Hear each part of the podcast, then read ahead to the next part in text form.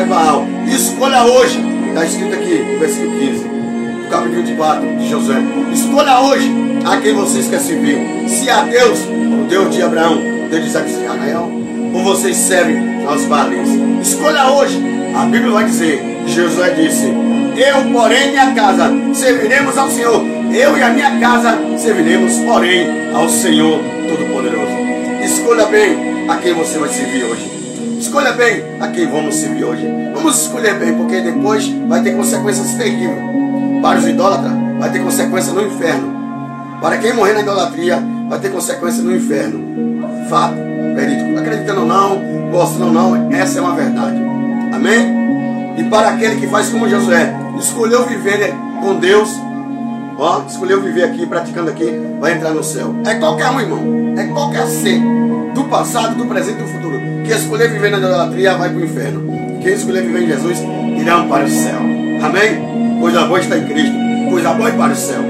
Divulga essa mensagem. Porque muitos idólatras precisam se converter, se libertar. Largue a idolatria, largue as paixões infames, largue as obras da carne e pratique Jesus. Viva essa aqui, ó. Viva a Santa Escritura. Viva a Santa Escritura, a Bíblia Sagrada. Viva essa, a Bíblia Sagrada. Amém? José disse: Porém, eu e minha casa, eu e minha casa serviremos ao Senhor, o Deus de Abraão, Isaac e Israel. Amém? E a Bíblia diz que o povo olhou, o povo fez uma análise e disse: É fato. Vamos fazer um pacto com o Senhor. Nós serviremos Josué ao Senhor. Faremos um pacto com o Senhor Jeová novamente. E o povo voltou para Deus e se viu e cultuou a Deus. Volte para Deus. Cultue a Deus. Deixe as obras da carne. Deixe as idolatrias. Deixe as paixões infames. Sirva, pratique a palavra de Deus. Amém? Seja alguém do coração de Deus. Agrade a Deus. Volte para o Senhor e sirva só a Deus. Sirva só o Pai. Não sirva ao homem. Não sirva ao sistema. Não sirva às idolatrias. Não sirva aos ídolos de futebol, de novela, de filme. Não. Sirva a Jesus. Eu sei que eu estou falando com crente. Crente que idolatra e é idólatra e não vai para o céu. Se liberte. Se liberte para que você vá para o céu. Para sua casa e para o céu. Líder, pastores, servos, sincero de Deus, se converta. Líderes, homens de Deus, mulheres de Deus, se converta.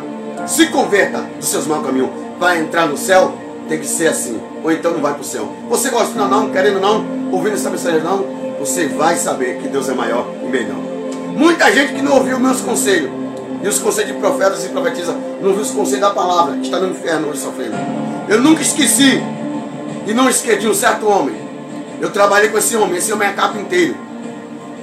Deus mandou eu falar com ele. Eu tinha seis meses de cristão. Com o semente cristão, Deus mandou eu falar com esse homem. E eu fui falar com ele que ele deveria deixar aquilo que ele gostava, deixar o cigarro, a bebida, a idolatria do time, do Vasco. É, ele deveria deixar. E ele deveria ser um cristão, porque o dia dele era contado, era pouco. E ele iria morrer naqueles dias. E ele tinha que se converter, deixar os times de futebol Vasco, deixar a bebida, deixar o cigarro, deixar a idolatria. E largar de ser ruim. Porque Deus queria salvar ele. Mas ele tinha que aceitar Jesus e ser salvo. E largar os ídolos, largar o Vasco, o futebol, a idolatria. Porque ele brigava por causa do Vasco. Sabe o que ele fez? Ele falou assim: Quem é você? Você é uma criança, você é um menininho mimado. Eu te conheci, rapaz. Eu te dei trabalho. Eu alimentei você, te dei comida. Falei: Não, seu fulano de tal. O senhor não me alimentou. Quem me alimentou foi Deus. Deus usou o senhor para me dar um trabalho. E eu te respeito, te respeitei. Não estou desrespeitando o senhor. Estou falando que Deus mandou falar para o senhor. Quem é você? Porque você é minha criança e arrastou o facão para me cortar. E eu disse: Olha, seu fulano, não precisa isso. Eu já vou. O recado foi dado. Falou que negócio de crente, crente é tudo louco, crente é tudo fanático, vou dar dinheiro para pastor, seu vagabundo, vou te cortar todo no facão, vou mostrar para você que Deus não é nada, nem você não é nada. Falei, ó, seu fulano, que Deus vai te perdoar. Ele falou, que Deus o quê? Que Deus o quê? Aí ele saiu, zangado. Ele bateu o facão no chão, nós paramos o facão no chão. Três dias depois, ele foi trabalhar. Um carro pegou ele, jogou ele longe. Foi fatal, ele já caiu a cabeça no meio-fio, no encostamento. Lascou assim o crânio dele. Foi morte fatal. Não teve tempo para nada. Morreu na hora. Você acha que ele foi para onde? Foi para o inferno. Foi para o inferno, com certeza. Ele está no inferno. Eu sei porque Deus me mostrou. E eu tenho certeza. Ele foi para o inferno. Então, todos os idólatras que não aceitam Jesus, que não andam de Jesus, vai para o inferno. Esse é o meu conselho. Fica firme, fica forte em Cristo Jesus.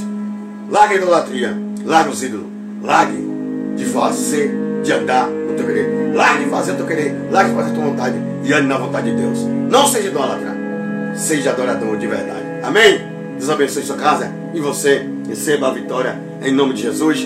Meu amado ouvinte, meu amado ouvinte, divulgue essa rádio. Divulgue esta rádio, Rádio Senado Web FM. Vai divulgando, porque Deus está contigo. Deus abençoe. Um abraço a todos, a paz. Deus abençoe sua casa.